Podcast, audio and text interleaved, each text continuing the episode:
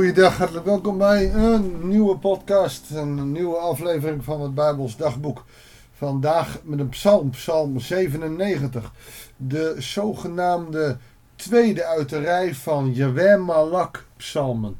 Yahweh Malak is, uh, God is koning, de Heer is koning. Yahweh is de godsnaam en Malak, Melek is uh, koning. Er zijn twee psalmen die, uh, drie psalmen die zo, zo beginnen en daarover gaan. Dus psalm 93, psalm 96 en psalm 99. De Heer is koning. Daar gaat deze psalm over. En ook een duidelijke psalm. Laat de aarde juichen.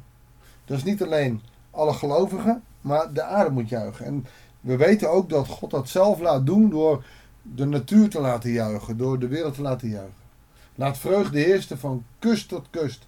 In wolk en duisternis is hij gehuld. Dat is een uh, term die je vaker tegenkomt. En, uh, een wolk en duisternis. Uh, ook een beetje mysterisch uit die tijd. We kunnen hem niet zien. Hij is, hij is als het ware vanuit het donker. Maar we kunnen hem wel zien, maar we zien hem niet. Zijn troon stoelt op recht en gerechtigheid. Dat is een heel duidelijk beeld. Het is niet zomaar een lieflijke Heere God die de wellness, hè, die, die, die alleen maar lieflijk is. Nee, het is een, een God van recht en gerechtigheid. En daar troont zijn stoel ook op. Vuur gaat voor hem uit. Dat kan een verterend vuur zijn, zoals het in de Bijbel bedoeld wordt. Het is nu bijna Pinksteren. Het zou ook de geest kunnen zijn. Maar aangezien het om God zelf gaat en het recht en gerechtigheid gaat, is dit het vuur van de gerechtigheid. Dus het louterend vuur. En alles wat niet geschikt is voor het vuur zal verbranden. Alles wat wel geschikt is voor het vuur zal niet verbranden. En het staat ook in het vervolg. Rondom verteren, dus dat is het vuur, wie tegen hem opstaan. Dus zijn tegenstanders zullen verbranden. Oftewel, als God voor je is, wie zal er tegen je zijn? Zijn bliksem verlicht de wereld. De aarde ziet het en het beeft. De bergen smelt als was voor de Heer, voor de Heer van heel de aarde.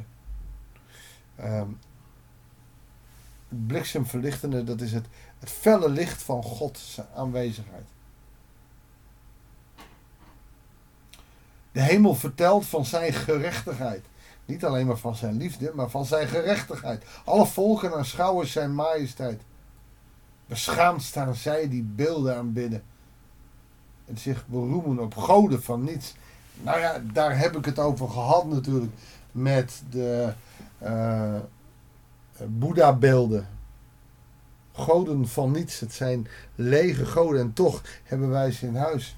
Beschamend staan zij die beelden aanbidden en zich beroemen. Nou weet ik wel dat heel veel mensen het alleen maar een mooi beeld vinden en het niet aanbidden. Maar hele volkstammen aanbidden ze wel. En die komen wel beschaamd uit.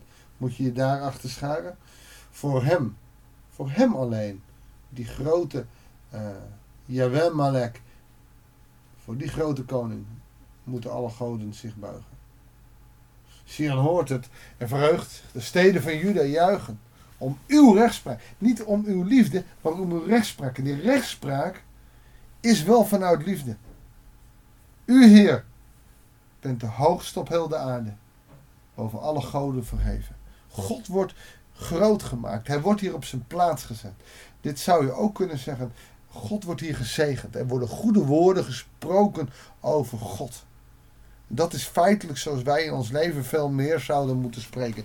We zegenen uw grote naam. U bent de grote, u bent de, de belangrijkste God. U bent de grootste onder alle grote. U bent, nou noem, noem maar met je eigen woorden. Dit zijn natuurlijk allemaal terminologieën. En Sion en, en Israël. En, en, en, dat zijn termen van toen. Maar ook nu kun je zeggen, alle christenen dienen u omdat u de grootste bent.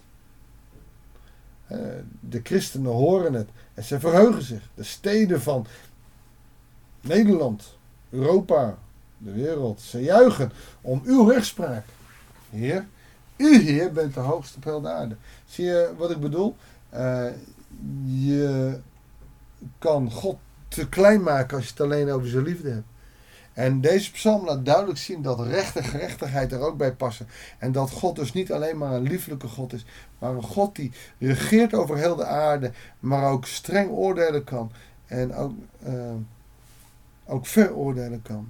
En daar ook als enige recht toe heeft. U die de Heer bemint, haat het kwade. Dus wanneer je zijn kind bent, dan heb je een hekel aan het verkeerde. Hij, en dat is God, de Heer, Jawel, behoedt het leven van wie hem trouw zijn. Uit de, God, uit de greep van de goddeloze bevrijdt hij hen. En weet je, het gebeurt zo vaak niet. En het vervelende is, dan geven we God de schuld. Maar feitelijk zou je dan kunnen zeggen, het is onze schuld. Want wij blijven hem niet trouw. Wij geven de Satan macht. En dan kan hij ons niet verlossen. Want wij hebben die vrije keus. Maar hij behoedt het leven van wie hem trouw zijn. Uit de greep van de goddeloze bevrijdt hen. Licht is uitgezaaid voor de rechtvaardigen. Vreugde voor de oprechte van het hart. Verheug de rechtvaardige in de Heer en breng hulde aan zijn heilige naam. Geweldig hoe deze psalm ook eindigt. Van begin tot het einde laat zij de grootheid van God zien. En het grappige is, deze psalm is veel te beperkt. Met alle psalmen van de wereld, met alle woorden van de wereld, met alle vocabulaire van deze wereld, kunnen we de grootheid van God niet snappen. We kunnen benaderen, we kunnen een heel klein beetje van God zeggen. Deze psalm wil de grootheid van God op een of andere manier laten zien. Door zijn koningschap, door de bliksem erbij te halen, door recht en gerechtigheid te zeggen dat het niet zomaar een God is, maar dat hij een God van recht en gerechtigheid is. Dat de hele wereld, die terminologie zit, de hele wereld zal hem kennen. Geweldig. En we zagen dat ook al in de vorige podcast de afgelopen week. Dat God Israël gebruikt om de wereld te laten zien wie hij is. Een God van recht en gerechtigheid. Een God van liefde en passie. Maar ook een God die streng is. En daar zitten we als christenen helemaal niet op te wachten. Wij hebben veel meer die iets met, oh, laten we een lieve Heer. dat werkt niet zo. Hij is niet een lieve Heer. Hij is een strenge, rechtvaardig Heer. In liefde. En daarom geeft hij zijn zoon. En daarom is dat voor ons zo zo ergerlijk dat hij zijn zoon geeft. Dat hij ons niet straft. Wij zijn net kleine kinderen. Geef hem een tik voor de vingers. In plaats dat je dan zo zegt van nou, ik ben er niet blij mee. Of je hebt me diep teleurgesteld. Of ik los dit zelf wel op. Dat doet ons in wezen veel zeerder. Als je er goed benadert. Bij kinderen werkt dat niet zo. Mijn vader was ook eentje die zei. Oh, dan ga ik wel weg. Als hij boos was aan tafel. In plaats dat hij ons wegstuurde. Weet je, dan hadden wij als kinderen zoiets. Nou prima toch, doei. Dus dat werkt niet. Maar als je goed nadenkt dat hij geen straf verdiend heeft, maar dat hij die straf wel op zich neemt. Belachelijk. Zo groot is onze koning. Jawel Melek. God, God is groot. Laat de aarde juichen. Laat vreugde heersen van kust tot kust. Geweldig om, om God zo te eren. Verheugt u rechtvaardig in de Heer en breng hulde aan zijn eigen naam. Heer, we loven, we prijzen en we zegenen u. Omdat u de geweldige God bent, veel groter dan wij kunnen bevatten, veel geweldiger dan wij kunnen bevroeden, Heere God. Zegen ons vanuit uw genade, want verdiend hebben we het niet. En gebruik ons om uw heil op deze wereld, ieder op onze eigen manier, maar wel te verkondigen. Opdat uw heil gestalte krijgt, ook in ons land, in deze tijd. Zegen ons zo en gebruik ons, Heer Jezus, want wij willen graag uw dienaren zijn. Geef ons de vrijmoedigheid. Geef ons het lef. Heer, dat bidden wij u. In Jezus' naam. Amen. Dankjewel voor het luisteren. Ik wens je voor vandaag ook weer God zegen. En graag tot de volgende uitzending van het Bijbels Dagboek.